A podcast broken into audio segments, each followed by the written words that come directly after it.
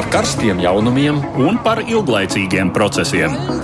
par idejām, par cilvēkiem, par naudu, Un par laiku, par abām mūsu planētas puslodēm. un lietojot abas smadzeņu puslodes. Ēterā raidījums divas puslodes.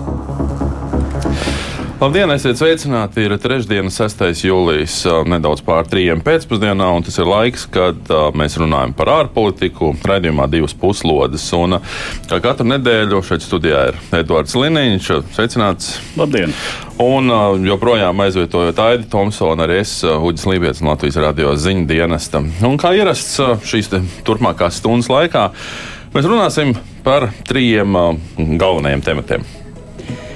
Jauna dokumentālā filma ir izgaismojusi Francijas ārpolitikas aizkulises.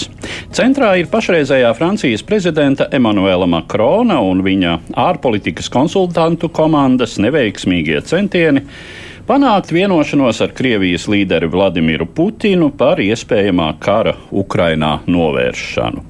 Šīs sarunas izrādījās neveiksmīgas un liek uzdot jautājumus par to, cik efektīva ir Francijas ārpolitikas koncentrēšana viena cilvēka rokās. Pēc kārtējās valdības krišanas Izrēlā turpinās politiskā nestabilitāte, un um, novembra sākumā gaidāmas jau piektās parlamenta vēlēšanas vien četru gadu laikā. Un šajā nedēļā Izrēlas jaunais pagaidu premjerministrs Jāirs Lapits ir uh, devies savā pirmajā ārvalstu vizītē, arī starp citu uz Franciju, lai spriestu gan par Irānas kodolprogrammu, gan par iespējamo Izrēlas energoresursu tirzniecību uz Eiropas Savienību. Vairāki desmiti cilvēku zaudējuši dzīvību, simtiem aizturēti protestos, kas pagājušajā nedēļā notika Uzbekistānā. Neparedzēti lielie protesti izrādījies nopietns pārbaudījums pašreizējam valsts prezidentam, kuram atbalstu paudis arī Krievijas prezidents Putins. Nākošais Notiekošais piesaistīs arī plašu starptautisko uzmanību, tostarp apvienoto nāciju organizācijai un Savienotajām valstīm pieprasot pārtraukt vēršanos pret protestētājiem. Šos temats arī turp rūpīgāk šķetināsim šīs stundas laikā, bet sāksim mēs ar Francijas ārpolitikas aizkulisēm un to, cik ietekmīgs ir vai par cik ietekmīgu sev vēlas redzēt Emanuels Makrons. 21 telefona saruna, kura kopš decembra notikusi starp Francijas un Krievijas līderiem, jau ieguvusi anekdotisku nokrāsu. Prezidents Makrons šai procesā sevi pozicionē kā miera centienu iemiesojumu, taču vispārēju skepsi raisījušas viņa iespējas jebkādi iespaidot Krievijas vadoņa lēmumus.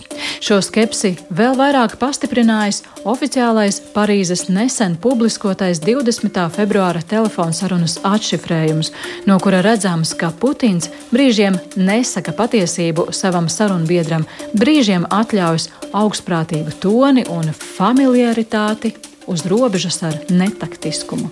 Telefona sarunas teksts tika publicēts sakarā ar dokumentālās filmas Prezidents, Eiropa un karš demonstrēšanu Francijas sabiedriskās televīzijas otrajā kanālā.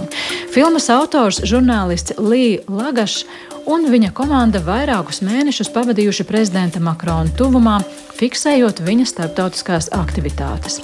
Par to esot bijuši informēti Francijas sarunu partneri, taču pēc minētajām publiskotajām atklāsmēm Krievijas aģentūra Rija Novosti raksturojusi Francijas rīcību kā diplomātsko sarunu noslēpumu nepieņemamu atklāšanu. Vairums kritiķu rietumos savukārt atzīst Lagaša darbu par ļoti nozīmīgu dokumentālā kino sasniegumu, kas pietuvina auditoriju mūsdienu starptautiskās diplomātijas aizkulisēm. Sastatot sarunā dzirdamo ar mums zināmajiem notikumiem dažas dienas vēlāk, jau atkal spilgti iezīmēs Krievijas līdera Putina cinisms un liekulība. Kad prezidents Makrons 20. februārī lūdz sarunbiedru atklāti pateikt, kādi ir viņa nodomi, Putins tā vietā izsaka pārmetumus Ukrainas prezidentam Zelenskim par Minskas vienošanos nepildīšanu. Ne vārdi par lēmumu atzīt pašpasludināto Donbasu tā saucamo Tautas Republiku suverenitāti pāris dienas vēlāk un plaša mēroga iebrukumu Ukrainā vēl pēc pāris dienām. Sarunas noslēgumā Krievijas vadonis paziņo, ka vispār jau grasījies uzspēlēt hokeju, bet upurējis šo svarīgo nodarbi, lai aprunātos ar Francijas prezidentu par Eiropas miera likteni. Lagaša filmas pēdējā epizode atspoguļo trīs kontinentālās Eiropas valstu vadītāju - prezidenta Makrona, kanclera Šolca un premjerministra Dragi vizīti Krievijā. Tās noslēgumā Francijas prezidents jau atkal iezīmēs savu pozīciju. Jāpalīdz Ukrainai uzvarēt, taču tieši necīnoties pret Krieviju, vēl jo vairāk nemēģinot to iznīcināt. Divas puslodes! Šodien mums studijā ar Eduardu pievienojas divi kolēģi. Um, Elizabete Vizganova, Latvijas ārpolitikas institūta pētniece un arī TVNet žurnālists. Sveicināti! Labdien! Un Toms Rātfelders, uh, sarežģīts tagad tev nosaukums, uh, bet mm, stādīšu tev priekšā kā ASV Delavēras Universitātes politikas zinātņu doktorantu. Jā, sveiki! sveiki. Um, dzirdējāt šo stāstu par, mēs viņu, kā mēs viņus nosaucām, tā aizkulisēs par tādām. Nu, tieši tā, frivoli diezgan. par, par erotiskām sarunām pa telefonu ilgu stundu garumā starp divu valstu līderiem, bet nu, vispār kā jums liekas šādas te nu, diezgan bezcerīgas sarunas, atkārtotas. Par ko tas liecina? Par tiešām dzīvošanu divās pilnīgi citās realitātēs, vai absolūtu vienas puses ticību savām spējām izmainīt politiskus procesus. Sāksim ar Elizabeti. Jā, nu, protams, ka šīs Krievijas un Francijas īpašās attiecības jau ir vēsturiska tradīcija, kas tātad ir jau saistām ar Šarlu de Gaulle šo īstenoto tādu kā atspēka politiku pret tātad šo amerikanizāciju un ASV potenciālu ietekmi. Tad īpašās attiecības ir PSRS. Um, kas tā tad tika pārņemts arī ar tās mantinieci Krieviju. Uh, bet uh, kas tad būtu svarīgi visā šajā saspēlē? Uh, faktiski jau pirms aptuveni desmit gadiem mēs redzējām, ka šīs īpašās attiecības, kas bija Francija ar Krieviju, izspēlējās arī caur dažādu tehnoloģiju, caur šādu dažādu energoresursu sadarbības stiprināšanas mēģinājumiem, kas faktiski noslēdzās līdz ar Krimas aneksiju, kur Francijai vairs nebija kur sprukt. Un lielā mērā jau Francija mēģināja skriet pakaļ arī Vācijai, kas arī mēģināja dibināt un stiprināt šīs spēcīgākās attiecības ar Krieviju. Notikumi ir iegriezījušies citādāk. Mēs nevaram atgriezties pie tā biznesa, pie kura Francijai vēl izdevās atgriezties pēc kara Grūzijā. Un lielā mērā mēs redzam, ka šie ir tādi mēģinājumi turēties pie pēdējiem sadarbības matiem, kas tātad Franciju un Krieviju un arī Eiropu un Krieviju saista. Un arī, protams, mēģinājums izspēlēt šo iekšpolitisko dinamiku Francijā, ņemot vērā to, ka Makrons ir nesen pārdzīvojis vēlēšanas, ir jauna premjerministra un tā tālāk. Tā kā šo faktoru patiesi ir daudz, bet varbūt tas. Nu, es varu tikai papildināt arī to, ka nu, Francija vēsturiski arī ir skatījusies varbūt netik daudz uz Austrumēropu, protams, tas vektors arī ir, vai ne? Bet tā ļoti bieži ir tikusi definēta tā, tā kā tāda rietumu, atvainojos, dienvidu kā skatījuma valsts, jo viņai arī, protams, ir svarīga frankofonā pasaule savu, kas ir, protams, Āfrika, arī bijušās kolonijas eh, tuvjos austrumos, kas ir Sīrija un Libāna, arī, starp citu, viens no nākamajiem tematiem par eh, premjeru Lapidu vizīti arī bija saistīts tieši ar Libānu un agrākajām Francijas attiecībām tieši ar Libānas, eh, arī Libānas valsts tagad. Tā kā man liekas, ka varbūt arī šie spiedieni nav tik lieli, tādi kā teiksim, mūsu platumgrādos, kā mēs izjūtam par Krieviju. Francijai vairāk vienkārši ir tā pārpolitika tāda vairāk globāla, un līdz to skatījums arī par Krieviju vairāk varbūt ir tāds globālāks, kā mēs varētu ar Krieviju sadarboties tajos jautājumos, kas mums ir svarīgi. Bet ņemot vērā to, ka uz to brīdi, par kuru iet runa, šie, ir dažas dienas faktiski pirms kardarbības uzsākšanās Ukrajinā, šis globālais skatījums pret Krieviju jau bija pilnīgi cits jau tajā brīdī. Un, vai var teikt, ka nu, šajā brīdī, kad tiešām nu, visa pasaule ir tāda kā nu, diezgan negatīvi noskaņot par to, ka kaut kas var būt, vēl mēģināt kaut ko pa labam izdarīt? Tā tā... um, es neteiktu, ka pilnīgi visa pasaule. Mūsu platuma grādos, varbūt Eiroatlantiskajā telpā, mēs redzam milzīgu solidaritāti pret Ukrajinu. Bet, teiksim, arī nu, mans tuvu austrumu reģions, kam es sekoju, arī man bija interesi, man bija interesi kā tas atspēlējās uz attiecībām tur un kā cilvēks skatās tur. Un tur ļoti bieži īstenībā mēdījos parādījās pat savu veidu tā tāda vilšanās sajūta nu, ka no sērijas pret Ukrainu mēs izrādām milzīgu solidaritāti, kamēr mēs nepievēršam vispār tādu uz, uzmanību ne situācijai rietumkrastā, ne situācijai Sīrijas pilsoņu karā, ne citos konfliktos. Tāpēc, um, jā, tā globālā solidaritāte ir, bet tā varbūt nav varbūt tik vienpusēja, kā mēs nereti kā, nu, skatāmies, man liekas, mūsu mediju, mediju telpā. Un tāpēc, man liekas, varbūt arī Francija to temperatūru nedaudz tādā ziņā izjust. Tā būtu tā tāda mana hipotēze. Mm, varbūt es varētu šeit eh, ātri papildināt, eh, vienkārši minot to, ka lielā mērā šī dinamika starp eh, Franciju un Krieviju iezīmē arī šo politikas kontinuitāti. Tātad Normandijas formāts, kas, protams, nav veiksmīgs formāts, kas nav novedis īsti pie tā vēlamā rezultāta, notika arī faktiski šī gada janvārī un februārī. Vēl bija pēdējā tikšanās, nemaldos, 10. februārī. Un lielā mērā šī sadarbība, ko Francija mēģināja turpināt, tad ir loģiski, šī Eiropas politikas izvērsums, kur viņi mēģināja spēlēt, tātad dominantu lomu, er, lomu Eiropas diplomātiskā politiskajā eh, šaha spēlē? Jā, daudzi saskata šai mm, nu, teiksim, Francijas prezidenta aktivitātē telefoniskajā tiešām turpinājumu senai vēsturiskai um, tradīcijai, proti, Francija vienmēr ir centusies sevi apliecināt, balansējot, un sevišķi jau augstā kara laikā, balansējot zināmā mērā starp anglosakšu rietumiem, un loģiskais pretsvars tad pretējā pusē ir Padomju Savienība, lai kāda tā arī nebūtu. Teiksim, Šarls de Gauls nekad nebija prokomunistisks. Uh, un savos principos viņš, protams, bija rietumu demokrātijas pārstāvis, bet uh, nu, mēs atceramies šos izteikumus par Eiropu no Atlantijas līdz Klusajam okeānam. Uh, Nē, tu, viņš gan teica līdz Urāliem, līdz klusējam okeānam. Tas bija drusku vēlāk, un tas bija Gorbačovs, eh, kurš mēģināja visu padomju savienību tur iedabūt. Bet tā tad. Uh, jā, uz Eiropu ir jāskatās, neaizmirstot to austrumu daļu.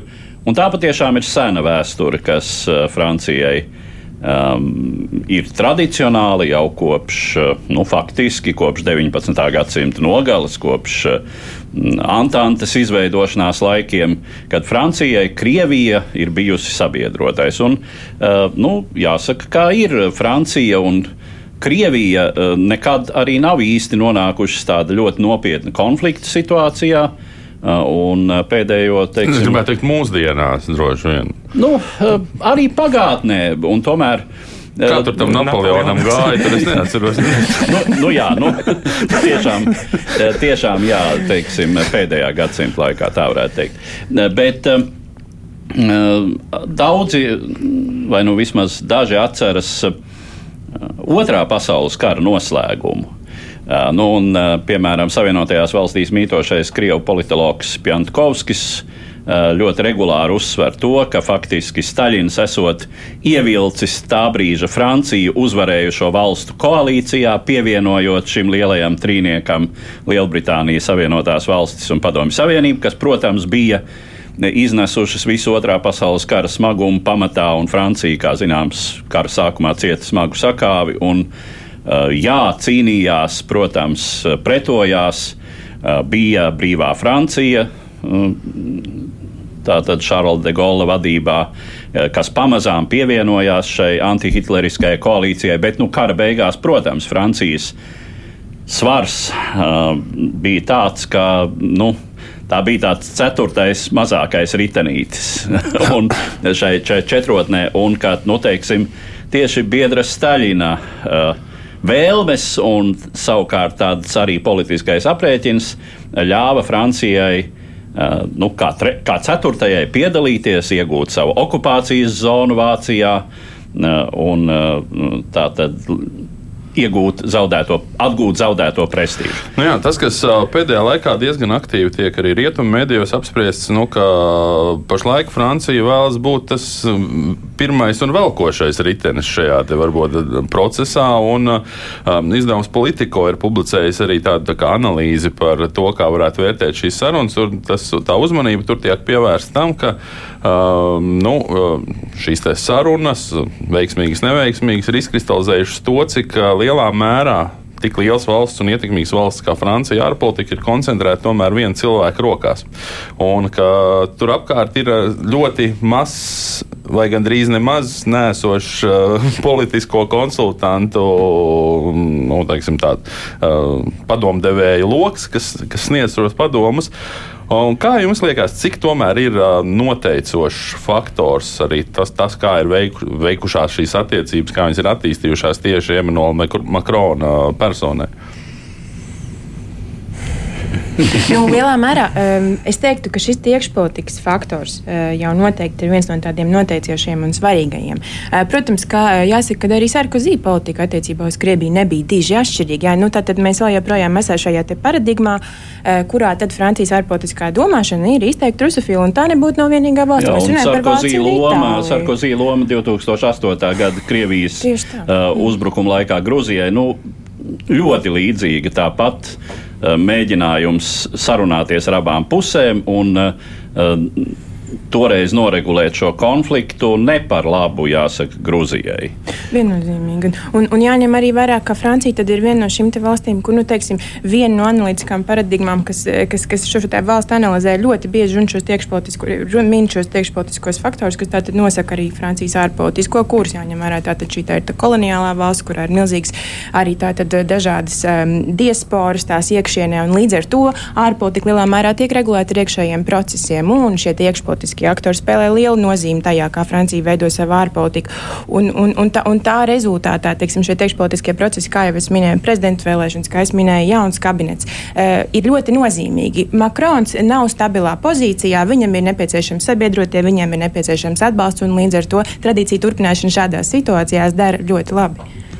Jā, nu, un jāatceras, ko, protams, ka Francijā ir ļoti liela sabiedrības daļa, kas vēsturiski simpatizē Krievijai, kur, kur pastāv lielā mērā tāda eksaltācija, tāda afektācija ar Krievu dvēseli, krievu baletu, uh, krievu citu mākslu, uh, arī krievu literatūra vēsturiski ir Francijā populāra.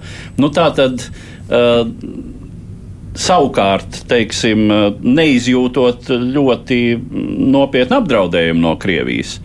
Eh, jo saprotot, ka nu, teiksim, situācija, kad krievu tanki varētu aizripot līdz Lamanšam, diez vai mūsdienās ir domājama. Eh, un, eh, līdz ar to ir, ir viegli mīlēt Krieviju tur no Eiropas pretējā gala. Jā, abas valstis moca tāds dižās impērijas komplekss kaut kādā ziņā.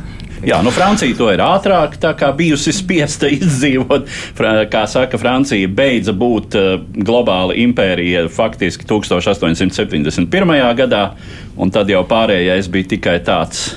Uh, Paliekas. jā, nu, tā, tāds izdzīvošanas, šī, šī sindroma izdzīvošanas periods. Uh, un Francijas dekolonizācija, protams, arī bija gan sāpīga dažos punktos. Nu, Krievija uh, var teikt, ir pēdējā, kura vēl dzīvo ar tādu. Uh, Atjaunojamās impērijas vai saglabājamās impērijas izjūtu. Um, vēl viena lieta, kas šajā te, nu, publiskotajā video ir redzama arī par šo te, nu, mm, sarunu vešanas veidu un uh, Putina attieksmi. Un, uh, man radās jautājums, vai nu, droši vien cilvēks izbauda šo nu, lekšanos un savas varas izrādīšanu, vienalga neatkarīgi no tā, kāds ir valsts līderis pretī. Un šeit jau arī izskanēja viedoklis par to, ka tiek pārkāpta diplomātiskā etiķete. Nu, mm. Pirmkārt, man ir jautājums, vai mēs vispār varam runāt par jebkādu diplomātisko etiķeti no Krievijas puses, no vienas puses un no otras puses. Uh, vai šis nepierāda to, ka nu, Putinam nu, nav neviena cilvēka, kurš, kuram, kuru viņš uztvertu pietiekami nopietni vai par savu nu, pietiekami spēcīgu pretinieku, izņemot ASV vadītāju. Es, es īstenībā teiktu, ka tas iet kopā nu, ar to Putina pasaules redzējumu, ko ļoti daudzi eksperti ir ļoti daudzās diskusijās, pētījumos aktualizējuši. To, ka viņš jūtas savu veidu pievilcis un nenovērtēts. Un līdz ar to uh, ja Napoleona jūt, sindroms. Nu, tā tādā ziņā, un tad līdz to, ja tu jūties pievilcis nenovērtēts, tad līdz to tad, uh, nav iemesla cienīt citiem, nu, cit, viņam nav iemesls cienīt attiecīgi arī citus cilvēkus. Un, man liekas, tas, tas ļoti parādās. Un, man liekas, tas arī iet kopā ar to, ko daudz Krievijas pētnieki ir uzsvēruši par nepieciešamību veidot jaunu pasaules kārtību, kurā Krievijai būtu taisnīga ietekmes sfēra. Teikt. Mēs runājām jau par šo impērijas pārdzīvošanas sindromu lēnām, vai ne?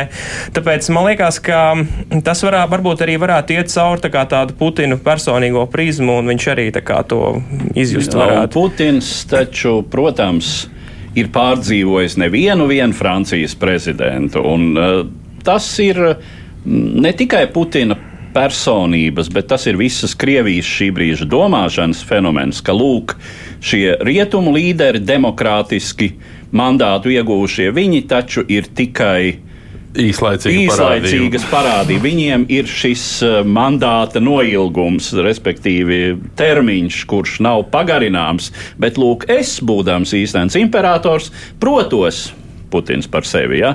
Eh, ja ne tieši, tad netieši es protos pagarināt savu mandātu tā un citādi, un pamainu konstitūciju, ja vajag. Un tā ir tā politikas māksla, uh, Uh, kuru izjūt ne tikai Putins kā savu priekšrocību, bet izjūt uh, visa Krievijas sabiedrība ļoti lielā mērā. Un, mm. un šie, šī retorika par to, ka atcerēsimies 14. gadu, ka tā bija šķiet. Uh, lielā septītnieka vai, vai, vai divdesmitnieka sanāksme, neatceros, kur nu, vienkārši neviens negribēja ar Putinu sēdēt pie viena galda. Tad tas laikam bija Solovjovs, krievu propagandists, kurš teica, ka nu, viņš ir imperators, tāpēc viņš sēž viens. Tie uh, vien, politiskie viendienīši, tie tur savā pūznītī, bet imperators sēž viens. Ja? Nu, lūk, es imperators, tā, tā varbūt tas Putinam šķiet Un, eh, nu, tā, ir, tā ir sabiedrības domāšana arī lielā mērā, kas, kas nenovērtē demokrātiski iegūta mandāta svaru, leģitīma mandāta svaru, bet novērtē šādas varas, eh, šādus varas mehānismus un, un šādu pieeju varai. E, Elizabete, es vēl gribēju jautāt, jūs jau minējāt to, ka nu, faktiski tā ir tradīcija, politikas vešanas tradīcija Francijā, bet arī daudzos komentāros ir teikts, ka, nu, ja pašai Francijai varbūt liekas, ka nu, tās ir viņa tradīcijas, ka mēs darām visu pareizi, tad tomēr uz tā kopējā Eiropas fona liekas nedaudz dīvaini. Tad atkal man rodas jautājums, ja mēs runājam ar vien vairāk par Eiropu kā vienotu, varbūt veselumu, kurā Francija pati ir izvēlējusies vai grib būt par to lielo vilcēju spēku un centrālo spēku, kas grib stiprināt savu lomu arī uz pasaules skatuves, šāds te visai specifisks kara laika ārpolitisks līderis un pieeja, ko tas varētu nozīmēt pārējiem sabiedrotajiem partneriem Eiropā un arī tiem, kas grib ar mums sadarboties? Nu, es domāju, ka mēs jau uh, varam ar lielu drošību un pārliecību teikt, ka uh, Francijas uh, atbalstīti mēs esam un mēs varam justies pilnīgi droši. Nu, to arī noteikti pierāda arī šī nesenā NATO Madrides samita uh, iznākums. Es neraizētos par to, uh, kur tad šī Francijas pārliecība uh, Baltijas valstu kontekstā, uh, mūsu uh, pierobežas kontekstā ir. Eh, es drīzāk patiesi domātu par to, ko teica Toms, tātad eh, šī Francijas globālās politikas ambīcija. Es domāju, ļoti bieži no Eiropas skatu punkta mēs šo neredzam, mēs aizmirstam par to, kāda šī, šīs valsts vēsture ir. Tajā pašā laikā mēs paskatāmies uz Francijas. Tiešām politika gan tuvajos austrumos, gan, gan Ziemeļāfrikā mēs patiesi redzam, eh, ka šīs ambīcijas ir krietni plašākas. Un patiesībā tas politiskais vektors uz dienvidiem ir krietni varbūt svarīgāks nekā tas, kas uz austrumiem. Un, un par to mums nevajadzētu aizmirst, jo tas arī noteiks šo Francijas politikas attīstību tuvā nākotnē. Neaizmirsīsim par tojiem austrumiem, un uz tojiem austrumiem arī Jā. dodamies. Tur ir, nu, kā tu, Edvards, teici, daudz politisko viendienīšu un īslaicīgu viendienīšu dodamies uz Izraelu pašlaik. Pirms nedēļas Izraels parlaments nobalsoja par pašatlaišanos, kas nozīmē, ka pilsoņiem jau piekto reizi četru gadu laikā būs jādodas pie vēlēšanu urnām. Iepriekšējo reizi tas notika pagājušajā gada martā, un pēc šīm vēlēšanām tika izveidota koalīcija, kurā ietilpa daudzi ļoti atšķirīgi politiski spēki, sākot no radikāli konservatīvajām ebreju partijām, beidzot ar arābu minoritātes spēkiem. Šī raibā savienojuma vienīgais motīvs bija nepielaist varai partijas likud līderi līderi korupcijā apsūdzēto kādreizējo premjerministru Benjaminu Netanjahu. Retais cerēja, ka izveidotā valdība būs ilglaicīga, jo pārāk atšķirīgas bija tajā iesaistīto partiju intereses. Par klupšanas akmeni kļuva radikālo ebreju partiju ieskats, ka valdība pārāk piekāpjas arābu prasībām. Tā nu līdzinājais premjerministrs Naftali Bentes no partijas jaunie labējie atkāpies no amata par pagaidu valdības vadītāju parlamentam ieceļot viņa koalīcijas partneri centriskās partijas Ješadid līderi Jairu Lapidu.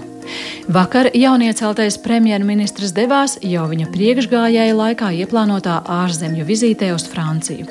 Galvenais vizītes mērķis ir gūt Parīzes atbalstu domstarpībās ar Libānu par vidusjūrā esošo Karišas dabasgāzes iegulu piedarību.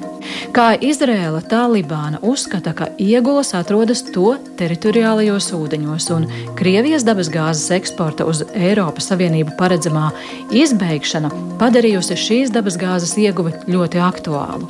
Tāpat Izrēla cer pārliecināt Franciju, ka Irānas atgriešanās pasaules fosilā kurināmā tirgū kompensējot Krievijas eksporta apsīkumu sankciju rezultātā, nav pieņemams risinājums.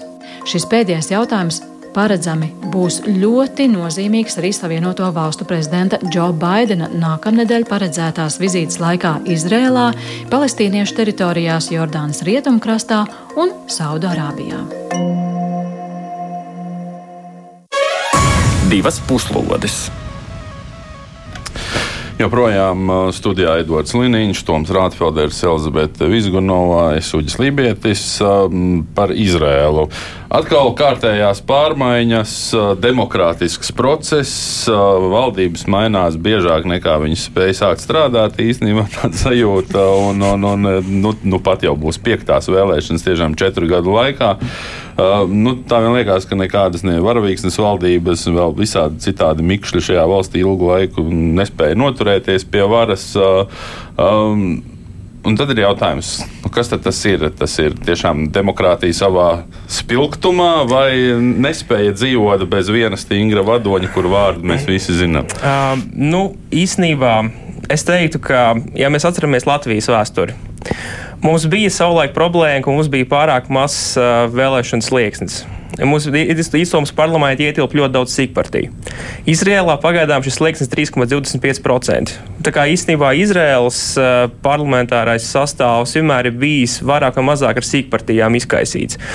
Un uh, pat, ja tu iegūsti ļoti lielus uh, nu, pārsvaru vēlēšanās, tev tik un tā ir jāveido plaša koalīcija. Un to ir darījusi iepriekš šī Benjamins Netanjahu iepriekšos gadus, kurš ir mēģinājis veidot koalīciju ar tā teikt, saucamajiem galēji labēji noskaņotiem un arī reliģiski noskaņot ebreju partijām.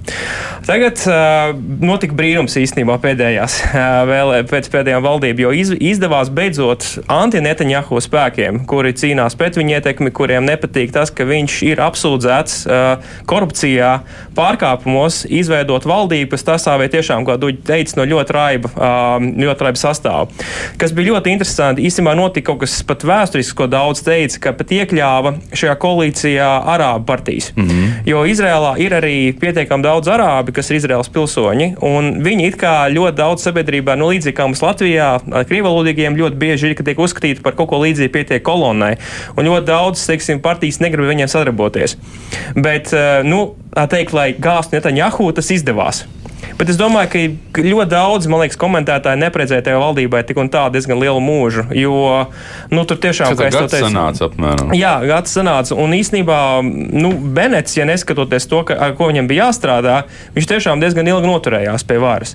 Un problēma bija tur tāda iekšēnē, ka vienkārši nu, te, šis sastāvs sāka šķelties, daudz aizgāja pie Netanjahu, un tad beig beigās viņi zaudēja to 61 pārsvaru, viņi nokrita līdz 59, un tad viņi saprata, ka viņiem reāli izdevīgāk ir vienkārši nobalsot par parlamenta atstā, nu, izklīšanu un jaunu vēlēšanu rīkošanu. Tā kā nu, atkal tā visu to teikt no, no pirmā gājiena, tā teikt, atkal uztaisīt to visu stāstu. Nu, atkal pienāca laiks Benjaminam Netanjahu. Nu, no politiskās skatuves nedaudz ir pazudis par tām mm. apsūdzībām kriminālajām. Arī viens, neviens ilgi baigi nerunā. Tagad īstais brīdis, lai nāktu ar, ar, ar uzvaras karogu rokā un atkal tautu apvienot. Nu, es, es domāju, ka viņš to noteikti vēlēs, jo daudz no arī ASV, kas studējas, mēs arī runājam par tojiem austrumiem, tad Netanjahu necīnās par vāru, viņš cīnās par savu brīvību. Jo viņam, principā, ir vajadzīga vara, lai viņš netiktu tiesāts šajos korupcijas, korupcijas pārkāpumos. Bet tur ir ļoti daudz mainīgie, kas var viņam spēlēt gan par labu, gan par sliktu. Uh, divi no tiem, uh, kurus arī esmu, esmu dzirdējis un klausies podkāstos, kam es piekrītu, ir tas, ja ja nobalsos uh, gana daudzas partijas par Netanjahu bloku, tad viņam principā nu, iespējams iz, iz, izdosies izveidot valdību. Bet, ja daļas teiksim, no opozīcijas partijām teiksim, nepārsniegs to 3,25% vēlēšanu slieksni, tad, tad arī, nu, protams, aizies pie Netanjahu. Bet, ja principā opozīcija nobalsos, vairāk partijas tiks iebalsotas no opozīcijas, tad, protams, arī opozīcija varētu uzvarēt. Un ļoti daudz ko īstenībā izšķirs arī tas, cik daudz arābies uz vēlēšanām jau arābi balso par eh, Netanjahu opozīciju. Un, principā, tas arī varētu būt viens no mainīgiem, kas eh, šajā spēlēšanā varētu spēlēt lomu. Kā tev, Edvard, tas viss izskatās? Nu, man īsti nav daudz ko šeit piebilst. Tieši tā tas ir. Ja Netanjahu nekur nav pazudis no politikas. Eh, mm. Viņš ir lielākās un ietekmīgākās opozīcijas partijas līderis, kurai opozīcijas partija, kurai nemaz tik daudz nepietrūka lai izveidotu šo valdību. Un, mm, tas tiešām politiskais brīnums, ka zem šī Netanjahu autoritātes spiediena um, izveidojās šī paradoxālā koalīcija, un, protams, pietiekami trauslā. Nu, um, tas bija tāds risinājums uz laiku. Uh, kur vēl viens faktors ir tas, ka nu, Izraels sabiedrība ir nogurusi no šī vēlēšana karuseļa. Citādi to nevar nodēvēt. Un, tas tiešām būs ļoti nozīmīgs jautājums. Cik daudz aizies uz šīm kārtējām vēlēšanām, par ko tad tajās balsos? Jo nu, teiksim, Netanjahu atgriešanās varā ir tiek uzlūkota kā ļoti ticams variants, nu, vai salīdzinoši ticams variants. Te gan jāsaka, ka tikšana varā īsti Eh, jau nekādu kriminālu imunitāti viņam negarantē tiesisku imunitāti. Un, ja mēs atceramies tos agrākos posmus, kad viņš tika pie varas, Tad uh, izmeklētāji teica, ja vajadzēs, tad viņš no ministru kabineta dosies. Mēs viņu izsauksim uz pratināšanu. Tur nav diskusija īstenībā ja par to, ka viņš arī varētu mēģināt izkā vērsties pret tiesu varu. Par to ir tā lielā diskusija pagaidām, ko Izraels sabiedrībā viņi daudz runā. Jo, nu, it kā uh, viņš varētu, prieksim, izbīdīt savu kaut kādas grozījumus likumos, bet, ja tiesu vārdu, protams, pateikt, ka tas neiet krastā, tad tas nenotiktu. Bet viņam izdotos tik klāt tiesu varai, tad būtu jau, protams, jautājums par par Izraēlas demokrātijas kvalitāti? Um, šajā nedēļā, burtiski pirms dažām mm. dienām, um, jaunais pagaidu premjerministrs, mm. kaut gan pilntiesīgs premjerministrs īstenībā tikai pārējais laikā, uh, uh, Jānis Lapits devās savā pirmajā ārvalstu vizītē un jau uz iepriekš pieminēto Franciju. Jā. Man, man ir tāds sajūta, ja tas būtu Netanjahu, viņš brauktu uz Ameriku. Kāpēc Francija? Uh, nu, tur ir divi, divi jautājumi, kas ir tagad dienas kārtībā Izrēlē. Uh, viens aktuālais, tagad nesen pirms nedēļas bija Dohā kārtējais Irānas kodola sarunu rauns, kurš diemžēl beidzās ne, ne īsti labi. Ne tā, kā gribējās. Ne tā, kā gribējās, teiksim tā, jā. Un uh, jāatcerās, ka savulaiku, kad vēl Trumps runāja par nepieciešamību uh, veidot jaunu uh, sadarbības formātu ar Irānu, tad Makrons bija viens no tiem pirmajiem politiķiem, kurš pateica, ka kodols sarunām būtu jābūt plašākām. Un tas sasaucās tagad ar Lapīru pozīciju, jo viņš ir centrists. Un atšķirībā no viņa priekšgājēja Beneta, kurš vairāk uzsvēra to, ka nu, vienkārši neies krastā, teiksim tā, šī vienošanās kā tāda, tad Lapis uzskata, ka vienošanās varētu būt, bet to būtu jāpaplašina kaut kādā veidā. Un tas tā kā iet, eh, nu, tā teikt, kontekstā ar to, ko Makrons iepriekš teica, tā ir tā kā tāda zīme uh, Francijai, ka respektīvi, nu, jūs esat tas, kas varētu mums saprast. Par tautu draudzību. draudzību, jā. Otrs jautājums, tas, ko arī, man liekas, sižetā jau minējām, ir tas, ka Francija pagaidām ir, viņai ir robežu strīds ar Libānu par Izrēlē. Izrēlē. Jā, Izrēlē tieši tā. Par dabasgāzes atradnēm. Un neilgi pirms vizītes uh, grupējums Hezbollah, kurš ir ļoti ietekmīgs Libānā, raidīja pret uh, dabasgāzes instalācijām trīs dronus, ko Izraela pārtvēra.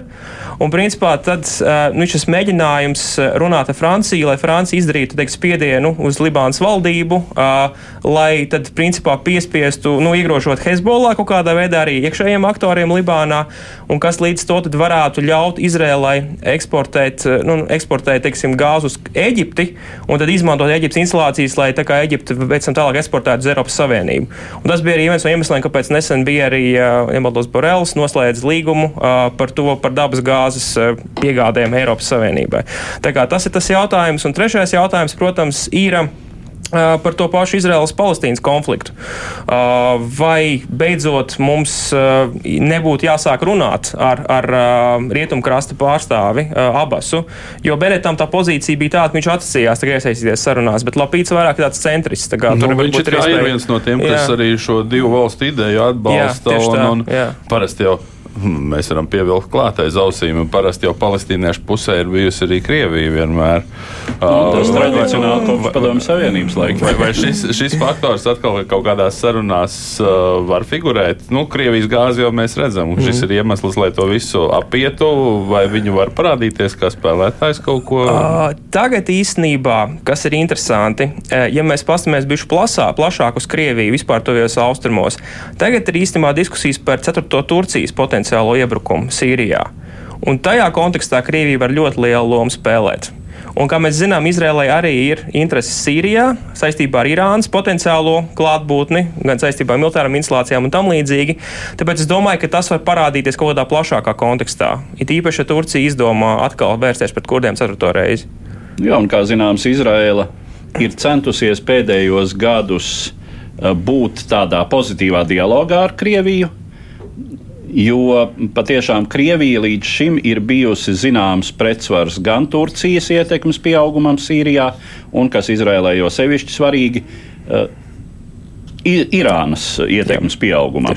Uh, un šajā gadījumā it kā teiksim, gan Krievija, gan Irāna atbalstīja Sīrijā Asada režīmu, bet noteiksim nu, proporcionāli tur, kur ir klāta Krievija, tās Irānas ietekmes ir mazāk. Nu, tas, kas šobrīd no Izraels viedokļa ir, ir nepatīkami, ka Krievijas militārais potenciāls ir visnotaļ saistīts Ukrainā resursu darbībai Sīrijā ir palicis krietni mazāk.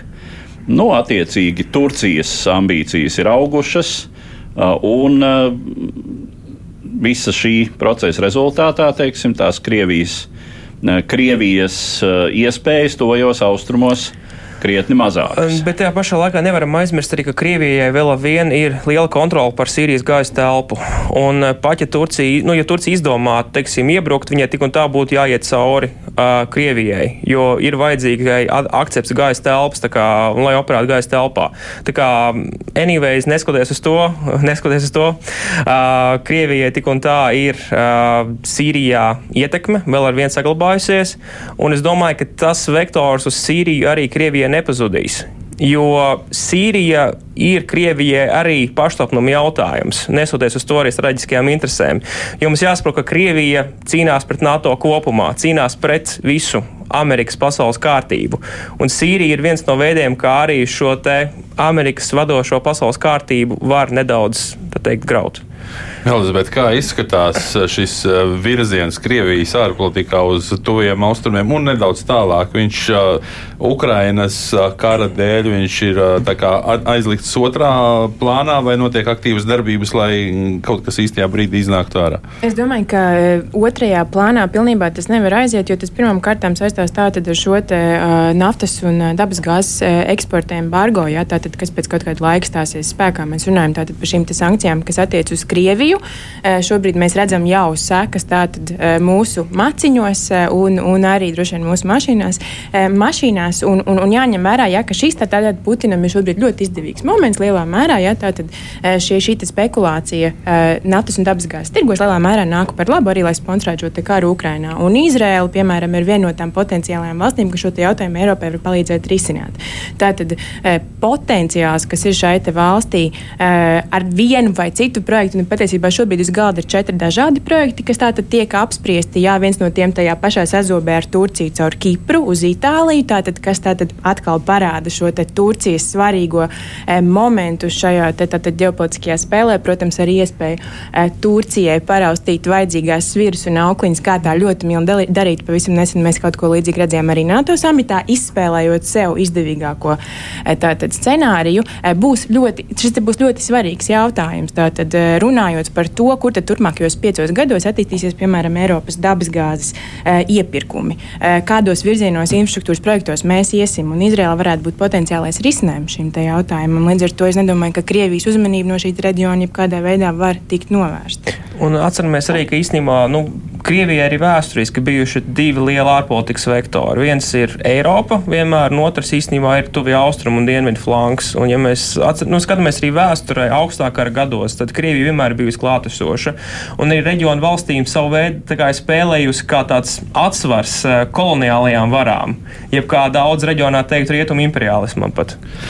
Dosimies no tuviem austrumiem vēl nedaudz tālāk uz austrumiem, uz, uz, uz Centrālā Aziju un uh, pievērsīsimies raidījuma turpinājumā Uzbekistānai. Kad 1991. gadā sabrūkot Padomju Savienībai, Uzbekistāna ieguva neatkarību, par tās prezidentu tika ievēlēts pēdējais padomju laika Uzbekistānas līderis, kompartijas pirmais sekretārs Islāms Karimovs. Ar stingru roku viņš vadīja iedzīvotāju skaita ziņā lielāko centrālā Azijas valsti, vairāk kārt tiekot pārvēlēts amatā vēlēšanās, kuras nepārprotami neatbilda demokrātijas standartiem. Karimova varas periodam bija raksturīga Uzbekistānas daļēja izolēšanās no starptautiskiem procesiem un vēsas attiecības ar vairākām kaimiņu valstīm. Iekšēji tas bija politiska sastinguma periods, panākot stabilitāti ar jebkādas opozīcijas nedraudzīgu izravēšanu. Nemieri, kas 2005. gadā uzliesmoja etniski jauktajā Andižanas provincē valsts austrumos, tika asiņaini apspiesti. Valdības spēkiem nogalinot pēc oficiālām ziņām nepilnus 200, bet pēc alternatīvām aplēsēm iespējams līdz pat pusotram tūkstotim cilvēku. Kad 2016. gadā Islāms Karimaus beidza savas šīs zemes gaitas, viņa vietu ieņēma līdz tam premjerministra amatā bijušais Šavkats Morzi Jojevs.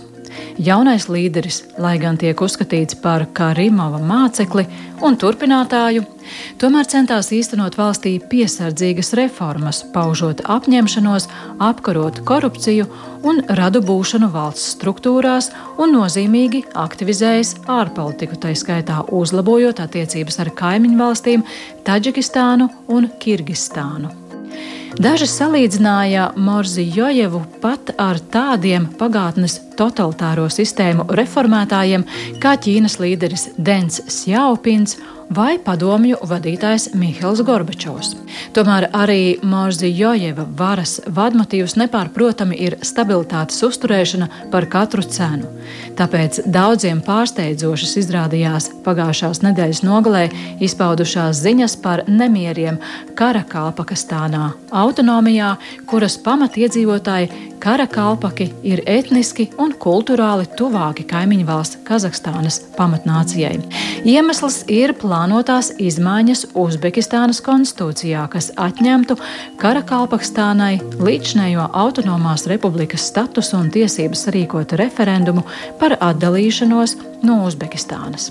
Pēc mediju ziņām valdības spēku sadursmēs ar nemierniekiem ir 18 nogalinātie un vairāk nekā 10 ievainoto.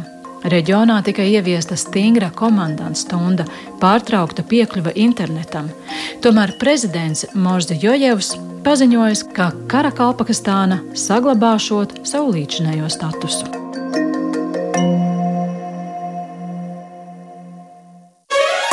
Divas puslodes!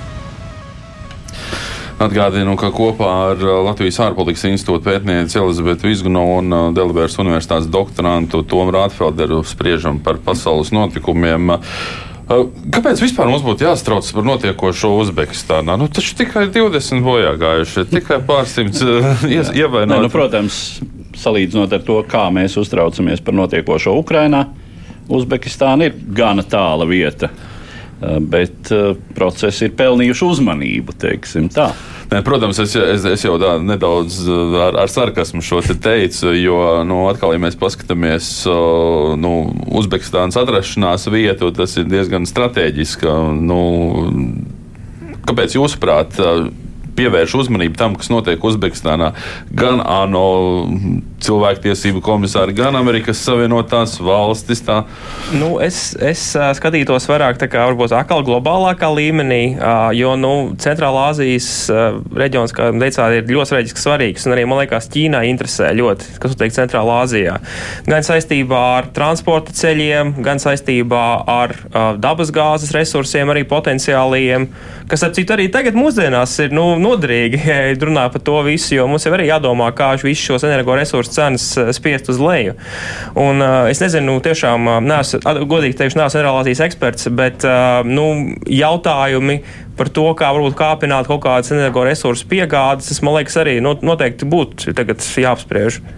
Cik nozīmīgs ir fakts, ka turpat salīdzinoši netālu ir arī Afganistāna. Tur tagad ir uh, savāds režīms, narkotiku tranzīts, kas vienmēr ir bijis ļoti aktuāls. Tas arī varētu būt viens no iemesliem, kāpēc.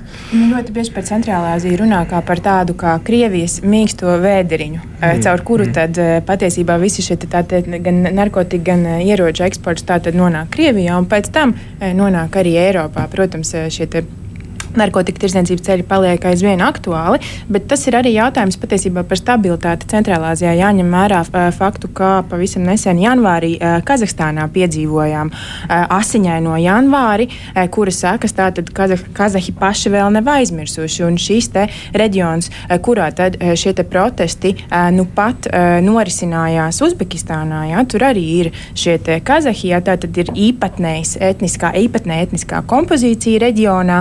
Eh, un jāņem vērā, ja, ka eh, fundamentāla atšķirība starp eh, šīm divām valstīm tātad, ka viena no tām ir kopīgās drošības nolīguma organizācijas dalībniece, kura arī pirmo reizi aktivizējās un iejaucās Kazahstānā. Veiksmīgi no tās aizgāja ne no visām valstīm. Tātad Krievijas, faktiski Krievijas spēki ir izvākušies, kā mēs to zinām, kā Baltkrievijas gadījumā. Uzbekistāna tātad no šīs organizācijas, ja nemaldos, jau otro reizi izstājās 2012. gadā un iestājusies atpakaļ tajā vairs nav. Par šīs organizācijas efektivitāti mēs varam strīdēties lietas, bet jāņem vērā, ka šis ir jautājums arī par Krievijas ietekmi, jo jāņem vērā, ka šis jaunais tātad, um, it kā līderis bija uzņēmis kaut kādu demokratizācijas kursu, protams, ne politiski, bet vismaz liberalizāciju ekonomiski un sabiedriski. Nu, jautājums, uz kurien tad mēs ejam šos procesus? Dro, droši vien kādam uh, Kremlī nepatīk, varbūt kurā virzienā tas virziens ir uzņemts. Un, un, un uh, pēdējā laikā diezgan bieži ir notikušas arī Putina sarunas ar Merzjojevu un uh, salīdzinoši pat pavisam nesen. Un, uh, man kaut kā uzmanību piesaistīja arī fakts, ka uh, Uzbekistāna ir, lai arī Daudz uzskata par Krievijas tomēr sabiedroto. Viņi ir atteikusies atzīt arī šīs pasludinātās um, republikas Ukrainas austrumos okupētajās nu, teritorijās. Īstenībā Uzbekistānas ārpolitika, cik es atceros no saviem studiju gadiem Skotijā, uh, vienmēr ir bijusi tāda tā kā vairāk. Uh, negluži Krievijai pieslienoša. Viņa vairāk mēģinājusi spēlēt, nu, teiksim, kā, kā teiksim, teiktu, tā, dejot tango ar vairākiem spēlētājiem reizē.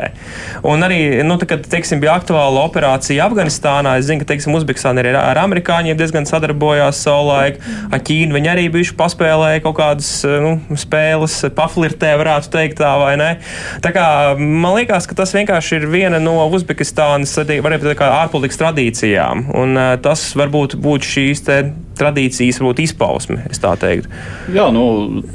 Karīmova varas laikā tas jau bija ļoti izteikti, ka Uzbekistāna centās pat zināmā mērā izolēties no ārpolitiskajiem procesiem. Nu, vēl raksturīgāk tas ir kaimiņu valstī Turkmenistānai, kas patiešām ir tāda tāds tipisks izolacionisms. Mē, mēs jau te par imperatoriem runājam.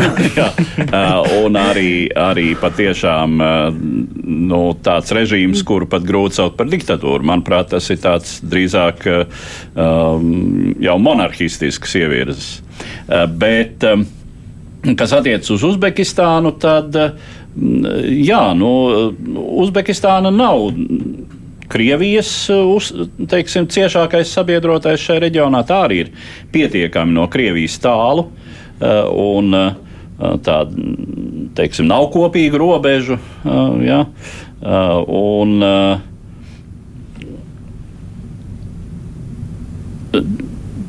jau pieminētā, tiešām jau pieminētā Ķīnas ietekme, un tad, protams, Uzbekistāna pieder arī tādai interesantai organizācijai kā turku valstu uh, apvienība, tā laikam to sauc, kur ietilpst Turcija, Azerbaidžāna, uh, Uzbekistāna, uh, Kirgistāna un uh, Kazahstāna.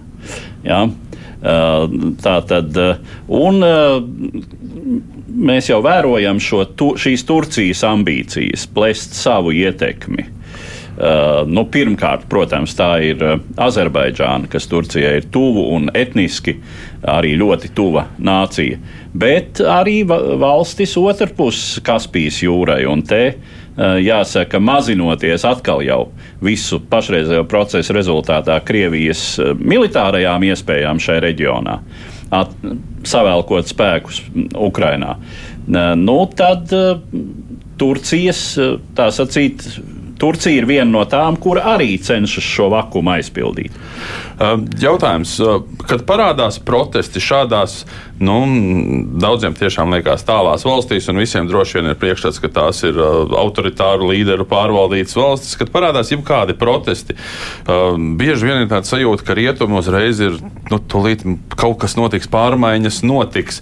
Pretējā pusē ir viedoklis, ka tik tūlīt nenotiek pārmaiņas, un tās droši vien ir to rietumnieku nu, uzkurinātās, nezinu, oranžās nu, revolūcijas. Tas ir tāds vienkāršots skatījums. Tas ir, tas ir ļoti vienkāršots skatījums, bet vispār cik šajā situācijā jebkādi protesti ir aktuāls pamats kaut kādām bažām vai, vai, vai kustību aizsākšanai. Mm, bet, bet kādu kustību? Vai tad šie, šie protesti jau nav par nekādu demokrātiju? Tas ir īstenībā fundamentāli. Par, par viena, viena autonomu reģionu statusu. Jā, un fundamentāli tas ir vienkārši par ekonomisko nevienlīdzību šajā reģionā, tātad, kas nav pārāk blīvi apdzīvots, dzīvo aptuveni 2 miljoni iedzīvotāji, bet tas ir visnabag, tātad, nabagākais visā Uzbekistānā. Jā? Tātad, tajā pašā laikā šajā reģionā tātad, atrodas daļa no Uzbekistānas ūdens resursiem, kas ir viens no fundamentālajiem jautājumiem vispār Uzbekistānai. Jautājums par izdzīvošanu. Jā, tātad e, nepārāk auglīga zeme, 90% no ūdens resursiem, gan iekšēji, gan ārēji saražoto aiziet šīs zemes e, tātad apsaimniekošanai, irigācijai. E, tajā pašā laikā iedzīvotājiem nereti patēriņam pašiem nepatiek,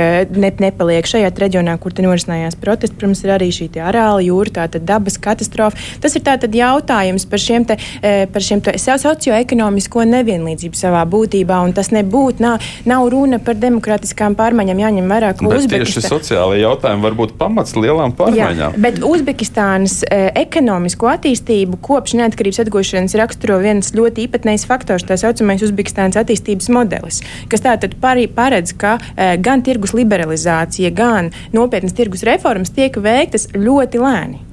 Un patiesi Uzbekistāna ar to ir arī nu, plaši ekonomiski tāda, tāda akadēmiskā kopienā apspriesta kā unikāla vide šai pārējai uz tirgus reformām, uz, uz tirgus ekonomiku. Un līdz ar to mums, nu, teiksim, būtu, būtu jāņem vērā, ka šī lielā mērā ir iekšpolitiskā domāšana par to, kā situācija būtu jārisinās. Tas nebūtu nav pēc mūsu tāda šablona, kā mēs to iedomājamies. Jā, un te ir vēl viens faktors, tiešām šī uh, kara kalpaku tautas izjūta par apdraudētību, kā etniskai minoritātei salīdzinoši ļoti lielā valstī.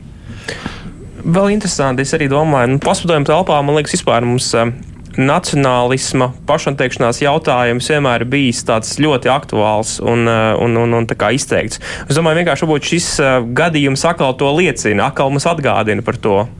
Nu jā, tas, tas, kam mēs varbūt paši esam kaut kad jau izgājuši cauri, daudz kur vēl tas vēl tikai priekšā, un mm. mēs pat īstenībā nesaprotam, cik lielā apmērā mēs par to varam uztraukties vai jau sākt uztraukties. Šajā brīdī man ir jāliek liels un trekns punkts šīs dienas diskusijām. Es teikšu paldies Latvijas ārpolitikas institūta pētniecei, arī TVN žurnālistē Elizabetei Vizgunovai.